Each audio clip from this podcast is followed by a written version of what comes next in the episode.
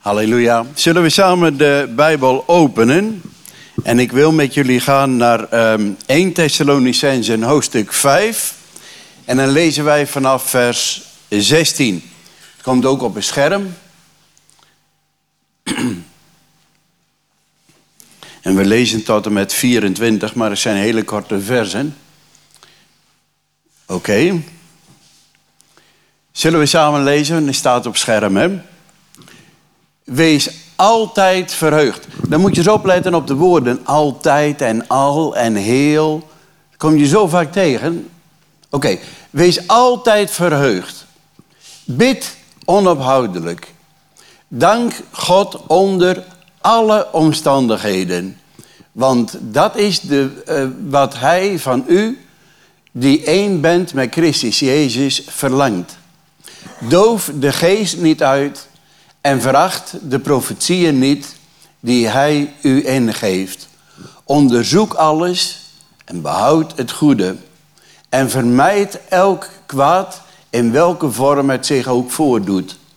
En mogen de God van de vrede zelf uw leven in alle opzichten heiligen en mogen heel uw geest, ziel en lichaam zuiver bewaard zijn bij de komst van onze Heer Jezus Christus.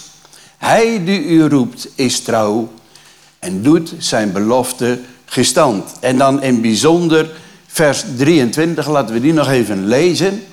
Dat is eigenlijk ook de zegen die Paulus hier aan de Thessalonicenzen meegeeft. En dan zegt hij, mogen de God van de vrede zelf uw leven in alle opzichten heiligen en mogen heel uw geest, ziel en lichaam zuiver bewaard zijn bij de komst van onze Heer Jezus Christus. Dat is eigenlijk onze hoofdvers.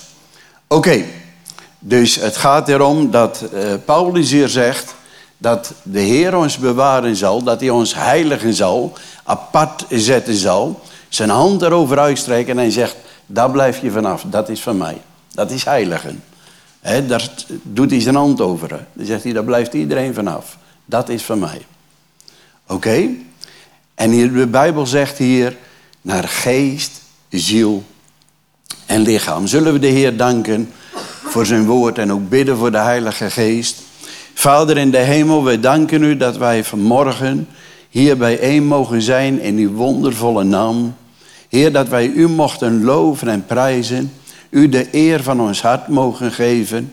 Heer, vanmorgen hoorden wij over uh, geloof, hoop en liefde. Heer, wij willen ons geloof op u richten. Wij hopen, Heer, dat u met uw zegen en met uw kracht en uw liefde in ons leven werkt. En dat uw goddelijke liefde ook doorwerkt. Agape in ons hart. Vader, wij willen u danken voor uw woord. Uw woord, Heere, dat is brood voor ons hart. Dat is brood voor onze ziel. U zegt immers, de mensen leeft niet van brood alleen, maar van de woorden die vanuit uw mond voortkomen. Heer, wij openen ons hart voor u. In Jezus' naam. Amen. Amen. Een tijdje geleden, broeder en zusters, was ik in een gemeente. En toen zongen wij het hele oude bekende lied. vroeger zong je dat in gij, maar het is nu vertaald in u. want het is weer helemaal vernieuwd. Dat hele, dat bekende lied wat wij denk ik allemaal wel kennen. Wilt gij van zonde en schuld zijn verlost? Daar is kracht in het bloed van een lam. En dan de volgende zin. Weet dat uw redding zoveel heeft gekost. En dat is het thema van morgen voor deze preek. Als het vroeger een bandje, dan zit hij al het thema erop. Weet dat uw redding zoveel heeft gekost. De Bijbel zegt in 1 Korinthe 2 van God heeft ons de Heilige Geest gegeven. De Bijbel zegt in 1 Korinthe 2, we hebben de Geest van God ontvangen, opdat wij zouden weten wat ons door genade geschonken is. De Heilige Geest wil aan ons openbaren wat wij ontvangen hebben. Want denk niet dat de duivel juist naar ons opbelt en zegt: hé, hey, vergeet niet dat je die en die belofte ook nog hebt. Hè? Begrijp je? Eh, eh, ik dacht, het is net als ehm, Ik denk dat de meesten van ons dat misschien wel eens hebben meegemaakt. Je, je, je bent in een winkel en je betaalt. Hè, en je loopt naar buiten en je denkt, nou, dat valt toch een beetje tegen vandaag. Kan ook wel eens meevallen. Maar het is ook wel eens dat, dat je denkt, hé, hey, uh, waar heb ik er geld aan uitgegeven? Maar wat doe je dan? Dan pak je de kassabon en dan loop je dat allemaal nog eens na. Toch? Ik denk dat de meesten dat wel... Wie heeft dat wel eens meegemaakt? Ik hou van een beetje spontaan, hè? Nou, aardig wat handen. Ja. En dan loop je dat helemaal in. En stel dat je bijvoorbeeld... En je kijkt naar je boodschappen en er staat ook een pak melk, zie je. Maar op de, je kijkt de kassenbon, daar staan twee pakken melk. Dus dan heb je te veel betaald, toch? Dan heb je het recht om terug te gaan. Om te zeggen, nou, of je neemt het geld weer terug... of je claimt nog een ander pak melk. Toch? Je hebt er recht op. De Bijbel zegt in 1 Korinthe 6... Gij zijt gekocht en betaald. Jezus heeft ons vrijgekocht. En hij heeft ons ook voor ons betaald. Dat is legitiem. Ik zie Joost zitten. Die werkt bij Weekam, toch? Ja, nog steeds. Nou, ik, ik, ik blader een keer door het Weekam-boek heen. En uh, dat is niet... Ja, dan kun je nagaan, hè. Ja, nou, dat is zoveel jaar geleden. ja. En uh, toen zag ik iets op afbetaling. Ik had het niet zo... Dus ik, eh, maar dan staat er wel, de, als je bestelt, uh, moet je aanvinken. Tegenwoordig heb je, er ook, heb je wel die algemene voorwaarden gelezen. Meestal doe je dat niet, maar je vinkt het wel aan, toch? Ja. um, maar ik heb dat een keer gedaan bij Weekamp.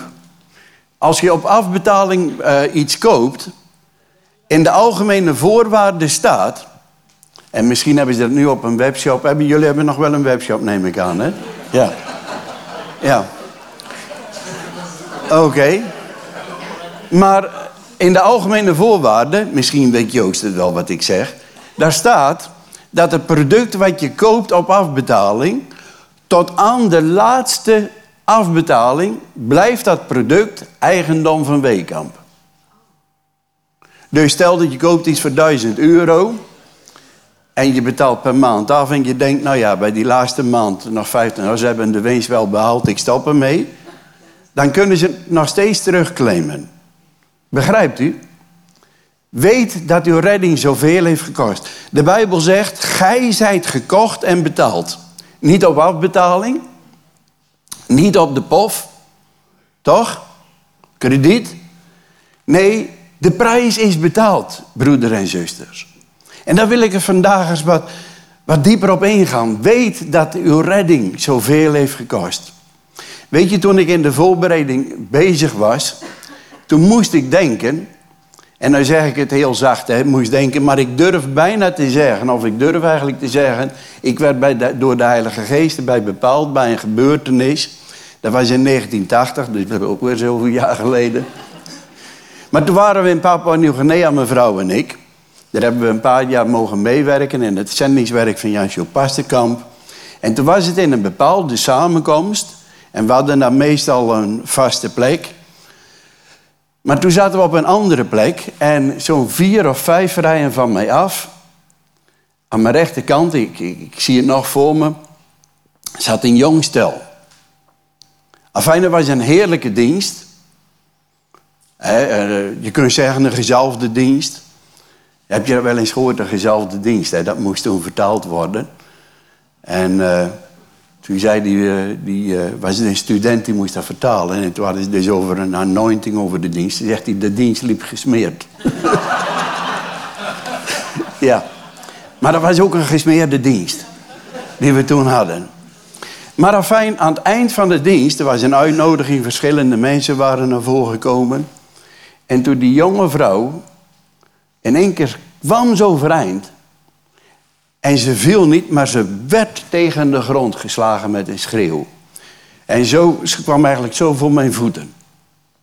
Nou, dat hadden we vaak, want Papua Nieuw-Guinea is een land van toverij. En bijna iedere week hadden we, was een grote gemeente. En bijna wekelijks kwamen mensen en ook gasten. En maakten we dat mee. Dat was niet de eerste keer. En dan gingen we daar als werkers omheen en dan gingen we daarvoor bidden voor bevrijding. Maar deze keer, we hadden meerdere keren meegemaakt, maar deze keer was het toch anders. Want die geest die ging praten en dat hadden we ook meerdere keren meegemaakt. Maar die geest die zei iets en daar werd ik bij bepaald toen ik hiermee bezig was. En dat had ik wel eens gehoord van zendelingen, dat geesten dat soms zeggen. En de Bijbel zegt ook van de Heer Jezus dat hij dat in een verhaal vertelt of in een gelijkenis. Die geest die zei namelijk, dit is mijn huis. Nou, ik heb geleerd door de jaren heen dat in de geestelijke wereld, in de hemelse gewesten, gaat alles heel legitiem. En als dat werkelijk het huis van die geest was geweest, hadden wij die vrouw nooit op bevrijding kunnen krijgen. Begrijp je? Want je moet weten wat je kunt claimen. als je die als je weet van hé, hey, ik heb hiervoor betaald, dan heb je recht op en dan kun je het ook claimen. Begrijpt u? Weet dat uw redding zoveel heeft gekost. Beseffen wij, weten wij de prijs die Jezus betaald heeft. Want we hebben het ook anders meegemaakt. Hè? Ankie weet ervan, want ik al het vaak aan, want dat, dat is in mijn ziel gegrift als het ware. We hadden een keer een avond. En dat, die, die avond noemden ze een deliverance night. Er waren heel veel bevrijdingen. En eh, ik was er pas en nou, dat was wel heel bijzonder. Hè? Als je voor iemand bidt en je ziet mensen tot bevrijding komen. Ik had het wel eens een beetje in Nederland meegemaakt. Ik heb zelf ook een hele bevrijding meegemaakt. Maar dat, dat was heel indrukwekkend. En we hadden verschillende mensen tot bevrijding zien komen. En toen lag daar, Ankie die weet ervan... Toen lag daar een meisje van zo rond de negen jaar lag er op de grond. En iedere keer als de naam Jezus gezegd werd, dan was het alsof de kind een pen in de zij, helemaal een pijnlijke steek als het ware. Dus wij wisten, dat kind heeft bevrijding nodig. En we hadden die avond verschillende bevrijdingen gezien. Ik zelf misschien zelf al een stuk of vier, vijf. Maar er waren anderen, de tientallen zijn die avond op bevrijding gekomen. nogmaals, dat is een land van toverij. Hè? En ehm, de Bijbel zegt, Jezus is gekomen om de werken van Satan te verbreken. En misschien is er ook in, uw eigen leven strijd in hemelse gewesten. Want ik weet uit persoonlijke ervaring, de duivel is hier ook. Alleen werkt hier vaak geniet. Maar als er openlijk toverij is, ik kom nu vaak in Afrikaanse diensten. En dan zie je dat ook bijna in alle diensten. Ankie is een keer mee geweest hè, in Almere. Dus er waren er ook een paar. Maar die avond gingen we met dat meisje bidden. En wij konden haar niet vrij krijgen. En ik ging die avond naar huis heel gefrustreerd. Aan de ene kant was het blijdschap dat ik veel gezien had en meegemaakt had. En bevrijdingen, herstel. Dat je echt ziet dat mensen die onder, want wij denken zomaar dat er zomaar wat is, maar mensen die echt onder de macht van toverij zijn. dat, dat is elkaar vervloeken. En dat je ziet dat die vloeken ook uitwerkingen hebben. Maar als je je leven aan Jezus geeft. En als je weet dat Jezus Christus gekomen is. Want wat zegt de Heer Jezus als hij zijn bediening begint? Dat is de profetie van Jezaja 61. De geest des Heren is op mij. En daarom heeft God mij gezalfd om aan gevangenen vrijlating te verkondigen. Jezus is gekomen, zegt de Bijbel, om de werken van de duivel in ons leven te verbreken. Maar de duivel is een leugenaar. Die zei toen ook bij die ene vrouw wat ik net vertelde, dit is mijn huis. Wel, als het werkelijk dat huis van de duivel was, dan hadden wij het nooit vrij kunnen krijgen. En hier bij dat kind, we konden het niet vrij krijgen. En we, we hebben toen dat kind gezegend. En ik ging gefrustreerd naar huis die avond. En ik ging bidden. Ik zei, Heer, hoe kan dit gebeuren? Waarom konden wij dit kind niet vrij krijgen? En toen legde de Heer een, een vraag in mijn hart. En de Heer die zei tegen mij, Waar waren de ouders? Ja, dat wist ik niet. Ik kende de hele kind niet. Het was een grote gemeente. Ik wist het niet. Dus de andere dag, toen vroeg ik een beetje rond. Ik zeg, dat meisje gisteren, wat was dat voor een meisje? Waar kwam die vandaan en hoe kwam die in de samenkomst? Nou, zei iemand, die was met haar oma meegekomen. Maar toen we bezig waren, werd die oma onwel en die liep naar buiten toe. En terwijl dus het meisje daar alleen was, gebeurde dat. Dat het meisje ook eigenlijk, dat, dat het een manifestatie was, noemen ze dat. Dat ze bevrijding nodig had. Want u begrijpt wel, broeders en zusters. Ehm, zo'n kind valt onder de covering, onder de bescherming van de ouders. Want als die, als, als die, die ouders met het kind naar een tovenaar zijn geweest, begrijp je? Want dat gebeurt, hè? We hadden hier ook gemeenteleden. We hebben hier een gemeentelid gehad, jaren. Ik zal haar naam niet, nou ja, ik mag haar noemen, want dat heeft ze mezelf gezegd. Jane Lezonder. Wie kent Jane Lezonder nog? Weet je dat zij op het altaar was gelegd? Ze heeft het op het altaar gelegen. En ze heeft mij verteld. Zegt ze, Steven, je moet weten, als ik daar op het altaar lag, dat is meerdere keren gebeurd. Zegt ze, dan begon ik God aan te roepen. Als kind. Ik word er emotioneel van. Zegt ze, maar waarom heeft God mij nooit geantwoord? Toen zei ik tegen ik zeg, Jane, je bent nu toch een kind van God. Maar jij was toen onder de covering van je ouders. Weet als ouders, hè, God heeft de kind aan jullie gegeven, niet aan de duivel, aan jullie. En jullie mogen het kind claimen. En dat lezen we ook in de Bijbel. Hè? We weten toen Jezus met de verheerlijking van de berg, dan komt hij en dan zijn daar de discipelen bezig met een jongen, een maanzieke knaap, zegt de Bijbel. En ze proberen dat kind op bevrijding te krijgen en het lukt niet. En, en dan allereerst Jezus die verwijt een geloof. Het is ook een zaak van geloof natuurlijk.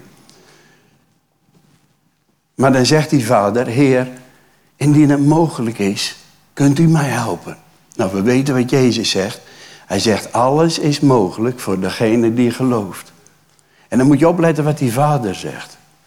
Die vader die zegt, Heere, ik geloof. Kom mij in mijn ongeloof te hulp. Hij zegt niet het kind gelooft, hij zegt, hij neemt de volle verantwoording, begrijp je?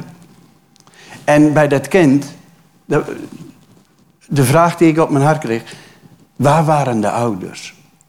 Want die geest die kan zeggen, ja luister even, als zij met dat kind naar een toven, tovenaar geweest zijn, van de ouders mag ik zijn, wie is Stefan de Boer om te zeggen, je moet weggaan? Begrijp je? Want in de in de geestelijke wereld werkt alles legitiem, broeders en zusters. Wij moeten weten de prijs die Jezus voor ons betaald heeft. Nou, we hebben vandaag in onze tekst gelezen dat de Heer ons bewaart, ons heiligt naar geest, ziel en lichaam. Dat wil dus zeggen, naar het betoog wat ik zojuist heb gehouden, dat Jezus heeft een volkomen prijs betaald voor onze geest, voor onze ziel en voor ons lichaam. En waar kunnen we dat terugvinden in de Bijbel? Want ik vind dat wat je zegt, dat moet in de Bijbel terug te vinden zijn. De Bijbel zegt, weet dat uw redding zoveel heeft gekost. En als je dat kassabonnetje hebt, dat je zegt, ja, hier staat het. Dan sta je sterk, toch? Want als je dat kassabonnetje niet hebt... Want je hebt wel mensen die zeggen, nou, laat dat kassabonnetje maar zitten. Toch? Maar als je een kassenbonnetje hebt, dan heb je het bewijs. En zo moeten wij ook weten. De Bijbel zegt, of dat Lita zegt, weet dat uw redding zoveel heeft gekost. Kennen wij dat?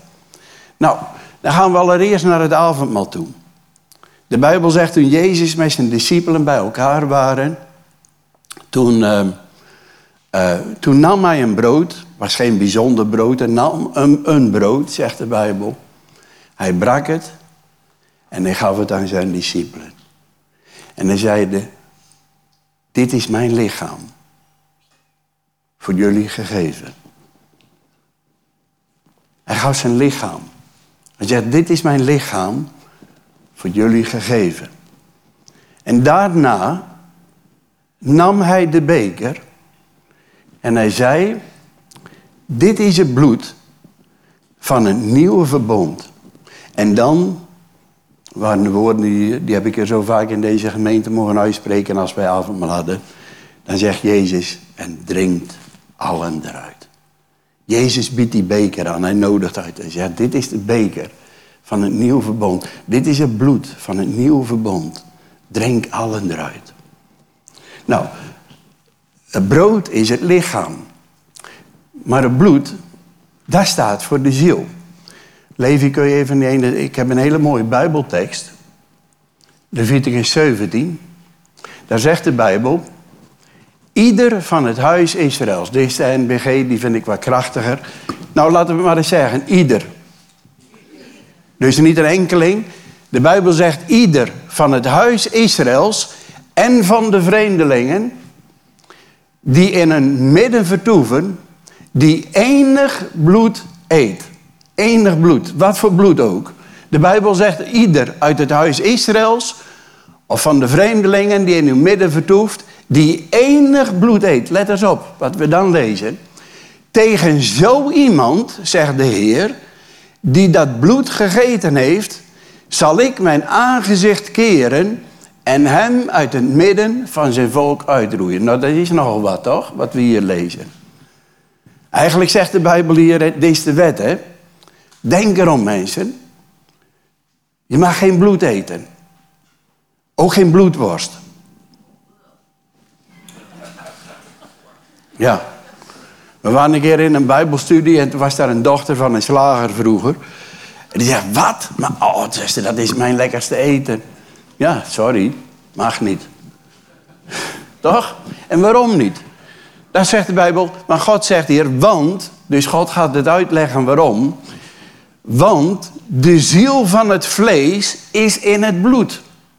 Het bloed staat voor de ziel. De ziel van het vlees is in het bloed.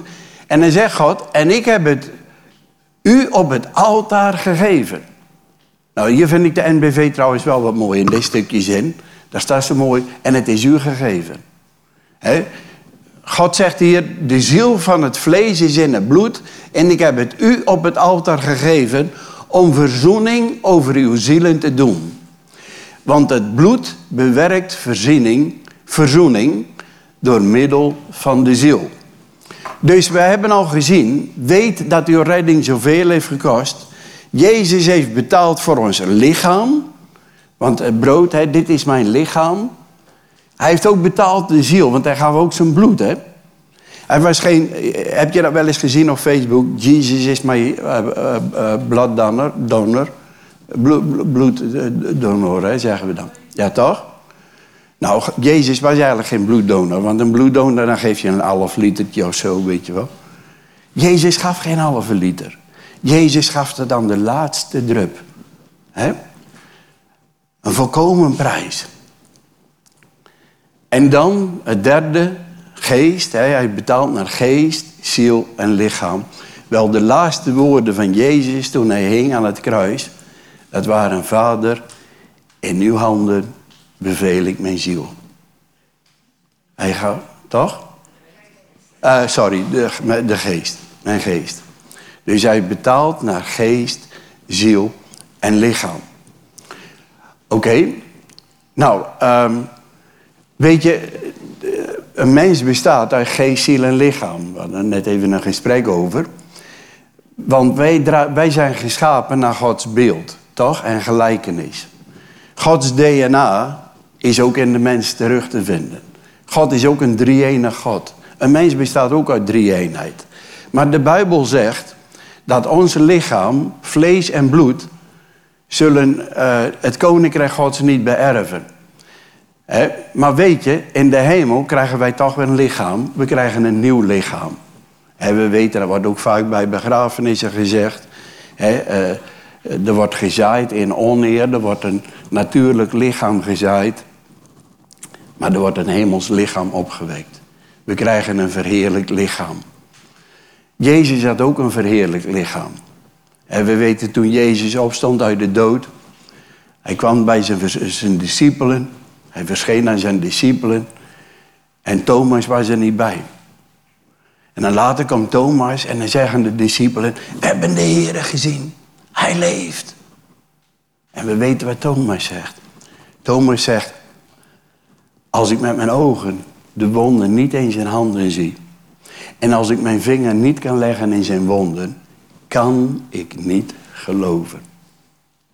Nou, we weten, de Bijbel zegt dan acht dagen daarna, ze waren weer bij elkaar en Thomas was erbij. En de Bijbel zegt, en Jezus stond in het midden. Hij ging niet door een deur heen of door een raam. Hij stond daar. Hij had een verheerlijk lichaam. En dat verheerlijkte lichaam is boven de materie verheven. Hij stond in het midden. En we weten wat hij zegt tegen Thomas. Hij zegt, Thomas, kom. Kom, Thomas. Hier, kijk. Weet je wat mij dat zegt, broeder en zusters? Dat in het verheerlijkte lichaam van Jezus draagt hij nog steeds de wonden. Het is een verheerlijkte lichaam. En de Bijbel zegt, hij is de hoge priester die voor de troon van God staat en voor ons bidt. En iedere keer als hij bidt, dan zegt hij vader. En zie je dan die wond in zijn hand? Vader, ik bid voor, voor Nienke. Ik bid voor Helene. Ik bid voor Wil. Ik bid voor Tom. Ik bid... Nu, vul je eigen naam maar in. Ik bid voor Esther, voor Ankie. Nog een Ankie. He? Vul je naam maar in. Hij bidt voor ons, zegt de Bijbel. Hij bidt en hij pleit voor ons. En dan zijn daar die wonden het bewijs. Ik liep een paar weken geleden met mijn broer liep ik op de dijk en toen reed er een hele mooie regenboog. En ik zou net zeggen, kijk eens wat een mooie regenboog. Maar toen zei mijn zoon, uh, mijn broer, die zei, kijk eens, het teken van het verbond. Wat God zich voor ogen stelt. Begrijp je? Want de Bijbel zegt iedere keer als God de regenboog ziet, zal hij denken aan de belofte die hij de mens heeft gegeven. Dat er nooit meer een zoonvloed zou, zou komen. Oké? Maar ook die wonden. Het is een bewijs. Johannes ook in openbaring 5, dan is hij in de hemel. En als hij daar in de hemel is, we weten het verhaal van dat hij die zit op de troon met de boekrol in de handen. En dan is daar een stem van een machtige engel die roept, wie is waardig deze boekrol in ontvangst te nemen? En niemand in de hemel, op aarde of onder de aarde is waardig die boekrol in ontvangst te nemen. En dan begint Johannes te wenen. Maar dan komt een van de oudsten, die ook voor de troon van God die, die, die kleinere 24 tronen, die komt naar hem toe en die zegt, je hoeft niet te wenen. Kijk naar de lam, kijk naar het lam. Of nee, die zegt, kijk naar de leeuw. Kijk naar de leeuw, hij heeft overwonnen. Hij is waardig die boekrol in ontvangst te nemen. En dan gaat Johannes kijken en dan zegt hij, en ik zag een lam als geslacht. Hij zegt een lam dat leeft en hij zag eruit als een geslacht lam. Hij, hij draagt nog steeds die wonden. En weet je, broeder en zusters, nogmaals, weet dat uw redding zoveel heeft gekost. Nou, vanwege de tijd wil ik er eh, nog een paar dingen noemen. Toen Jezus aan het kruis hing, we weten voordat hij naar het kruis ging, hij werd door de, door de soldaten gevangen genomen. En de Bijbel zegt, en ze hadden een doornenkroon, hadden ze hem opgedaan. Oké, een doornenkroon. Een kroon van doornen. En ze hadden hem een riet gegeven en ze hadden hem gegezeld. We kennen het verhaal wel. Wel, hij heeft betaald met zijn bloed. Maar ook met zijn lichaam. En die, die doornenkroon, Waar spreekt het eigenlijk van? Dat spreekt over de vloek. Jezus heeft voor ons de vloek gedragen. Zoals ik net al verteld heb, kijk in onze cultuur dan... Hè, alhoewel we, we, we verwensen elkaar, dat, dat is ook al een lichte vorm van vloek. Maar je hebt culturen waar ze het heel bewust doen. Hè? Ik weet ervan. Dat ze met vloeken bezig zijn. En die heel gevaarlijk kunnen zijn. Maar de Bijbel zegt dat Jezus heeft voor ons de, zoek, de vloek gedragen. De Bijbel zegt in Galaten 3 ehm, staat dat, dat Jezus is voor ons tot vloek geworden. Zo heeft hij de vloek van de wet heeft hij weggenomen. Want weet je, als je, zonder, als je een zonder bent, als je zondigt, dan hou je eigenlijk een vloek over je heen. De vloek van de wet, zegt de Bijbel. Want God zegt, dat heeft hij al gezegd in het paradijs, de ziel die zondigt, die zal sterven. Tegen Eva en Adam en Eva werd ook gezegd: Denk erom, van deze boom moet je niet eten. Want zodra je van deze boom eet, zul je sterven. Dat, dat was eigenlijk al een vloek. Begrijp je? Dat was de, de eis was, heilig jezelf, hou je bij die boom weg. En we weten toen, daar, toen, toen ze wel gezondigd hadden, wat zegt God dan tegen Adam? Om uwentwil is de ganse aardbodem vervloekt. Er was een vloek gekomen. Oké? Maar de Bijbel zegt, Jezus heeft die vloek gedragen. Want, eh, want God had gezegd, om uwentwil is de aardbodem vervloekt. Doornen en distels zullen ze voorbrengen. De vrucht van de vloek, dat is een symbool van de vloek, dat zijn doornen en distels. En ze hadden van die doornen, hadden ze een kroon gemaakt en hadden ze Jezus opgedaan. De kroon van de vloek hadden ze op Jezus gedaan. Tot bloedens toe. Hij heeft dus betaald zodat wij vrij van de vloek zouden zijn. De Bijbel zegt in Galaten 3, hij heeft ons vrijgekocht van de vloek van de wet. Wij hoeven niet meer onder een vloek te leven. Die vloek is verbroken door Jezus Christus. Het tweede wat de soldaten hadden gedaan, de Bijbel zegt, ze hadden een gezel genomen en ze hebben Jezus met een roede gegezeld. Ook dat bloed is toe. Striemen op zijn rug. En de Bijbel zegt, in zijn striemen zijt gij genezen. Dus Jezus heeft betaald, broeder en zuster, voor de vloek, om die weg te nemen van ons. Weet dat uw redding zoveel heeft gekost. Hij heeft betaald. En, en weet je, als ik in, uh, ik, ik spreek regelmatig in uh, internationale gemeentes, noem ik dat, Surinaamse gemeentes, ook wel Afrikaanse gemeentes. En als je dat dan, dat heeft een veel diepere impact. Maar besef, broeder en zusters, Jezus heeft ons vrijgekocht van de vloek. Wij hoeven niet meer onder een vloek te leven. Maar de Bijbel zegt, Jezus heeft ook betaald voor onze genezing. Hij zegt niet, ik ga betalen. Hij heeft betaald. Amen. De Bijbel zegt ook, in zijn striemen zijt gij genezen. De Bijbel zegt niet, word je genezen. Nee, je bent genezen. Er is betaald voor je genezing. Begrijp je? En weet je, de duivel zegt nog steeds, dit is mijn huis. Denk niet dat de duivel bij komt en zegt, hey, weet je dat jij daar recht op hebt? Begrijp je? Wij moeten dat zelf onderzoeken. Dat is ook het onderwijs wat in een gemeente thuis hoort. Dat wij weten wat onze redding gekost heeft. Dat Jezus betaald heeft, zodat we vrij van de vloek zouden zijn. Maar dat ook Jezus betaald heeft um, voor onze genezing. De Bijbel zegt zowel in het Oude eh, Testament, uh, Jezaja 53, als in het Nieuwe Testament, in, in 1 Peter staat het, in zijn striemen zijt gij genezing. En dan mogen we net als de kassenbonnetje, dan mogen we teruggaan, dan mogen we dat claimen. Hé, hey, hier staat het. Amen. Hier staat het. Ik zeg er wel meteen bij, broeder en zusters, dat uh, genezing, want ze vragen wel eens waarom wordt niet iedereen genezen. Dat kan soms ook wel wat complex zijn waar pastorale begeleiding nodig heeft of andere dingen. Ik zal nooit vergeten, ik was nog een jonge jongen en voor het eerst dat ik met een zieke bad in de samenkomst. Hè, dus, uh, en ik ging met hem bidden en ik vroeg aan die jongen, wat is je probleem? Een jonge broeder was het. Toen ik heb zo'n last van mijn maag. En uh, in de prediking, ik had niet de prediking, maar ik mocht wel meebidden. En uh, hij vroeg dus gebed voor zijn maag. Dus ik ging met hem bidden. En terwijl ik met hem bad, kwam er echt een, een indruk, zeggen ze tegenwoordig. Maar ik, ik hou een beetje van de ouderwetse taal. De geest sprak op mijn hart. Oké. Ik, ik ervoer dat zo. Dat Heilige Geest tegen mijn hart. Vraag eens hoe hij de dag begint. Oké, dus we hadden gebeden en toen vroeg ik hem, ik zeg, hoe begin jij de dag? Hij zegt, hoe bedoel je? Ik zeg, nou, als jij de dag begint te eten en zo. Zegt hij, nou, als jij bij mij in de buurt, het was niet in Nederland trouwens, zegt hij, bij mij in de buurt, um, daar is eh, zo'n stalletje. En dan kun je dus kroketten en andere snacks kopen van die avond ervoor. Het had dan de hele avond daar in zo'n verwarmd ding gestaan en dan kun je dat kopen. Dus iedere ochtend daar rende hij naar naartoe en dan kon hij toch nog mijn korting krijgen. Anders moest het toch weggegooid worden.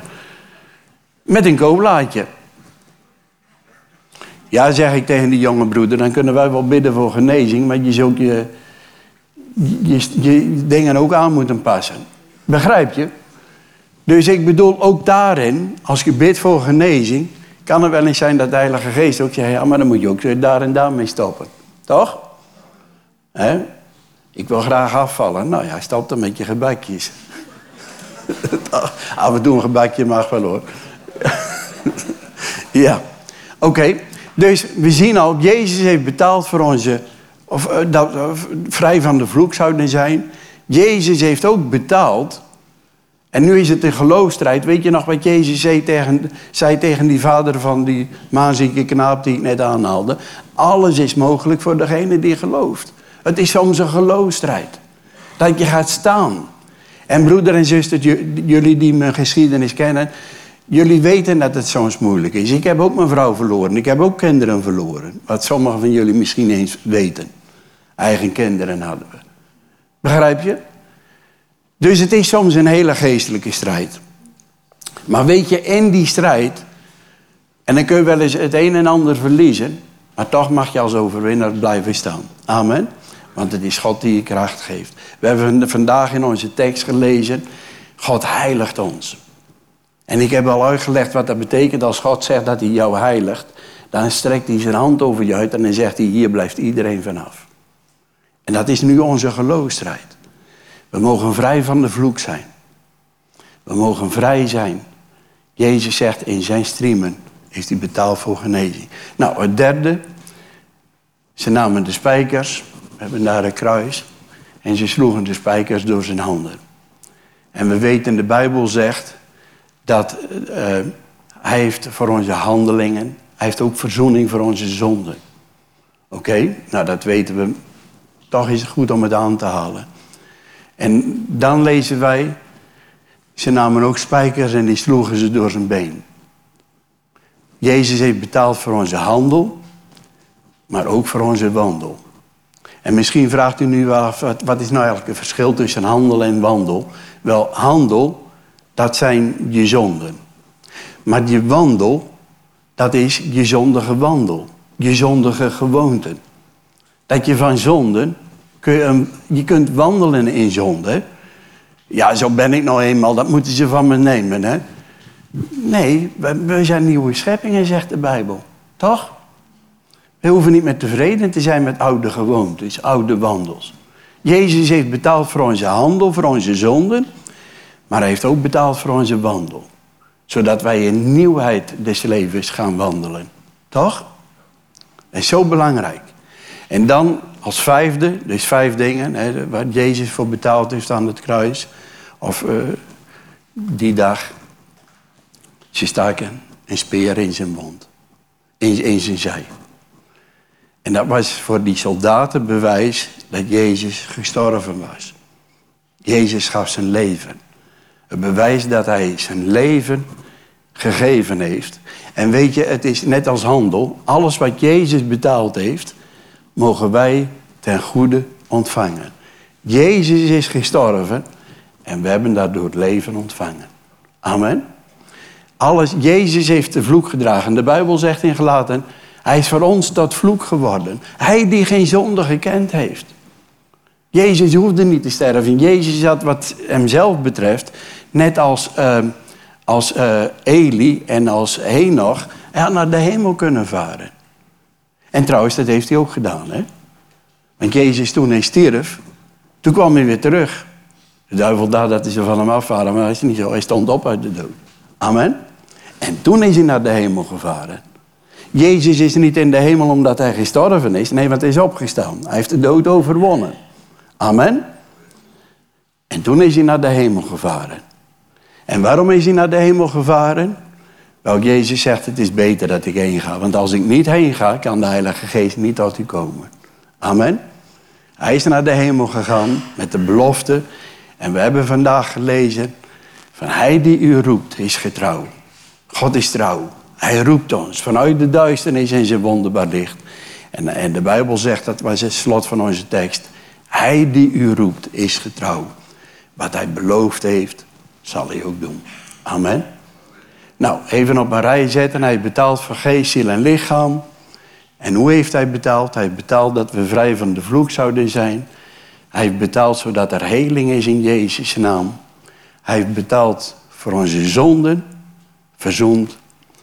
Hij heeft betaald voor onze wandel en leven, dat wij eeuwig leven hebben in Hem. Weet dat uw redding zoveel heeft gekost. Amen. Zullen we samen bidden? Vader in de hemel, het is zo geweldig als we stilstaan bij wat u voor ons gedaan hebt. De Bijbel zegt, al zo lief heeft God de wereld, dat hij gaf zijn enige geboren zoon. Heer Jezus, u bent gekomen om ons vrij te kopen. Om ons te redden. U bent onze heiland, u bent onze redder. Zonder u zouden we verloren zijn. Maar in u zijn we nieuwe scheppingen. De Bijbel zegt, zo is wie in Christus is een nieuwe schepping. Het oude is voorbij, zie het nieuwe is gekomen. Daar mogen wij naar zien. Daar mogen wij naar uitkijken. Heren, en we bidden voor elkaar. Want uw woord zegt ook, bid voor elkaar, opdat gij genezing ontvangt. Als wij voor elkaar bidden, broeders en zusters, dan is Gods genezende werking is in ons midden. Daarom is het goed om voor elkaar te bidden. Heer, we bidden voor elkaar. We dragen elkaar aan u op. Ook als we straks van hier gaan, dat u met een ieder van ons meegaat. En misschien is er iemand onder ons ook vanmorgen dat je zegt, ja broeder, wat je allemaal zegt. Het is zo makkelijk gezegd, maar ik heb er zo moeite mee. Wel, open je hart voor Jezus. Laat Hij het komen in je leven. Want de Bijbel zegt, als jij je hart opent voor Hem, Hij zal bij je binnenkomen. En Hij zal dingen veranderen. En jij hoeft niet eerst veranderd te worden, zodat Jezus bij je binnen kan komen. Nee, als je Jezus binnenlaat, zal Hij jou veranderen. Dat is zo heerlijk. Halleluja. Heer, daarin mogen wij elkaar zegenen in Jezus' naam. Amen.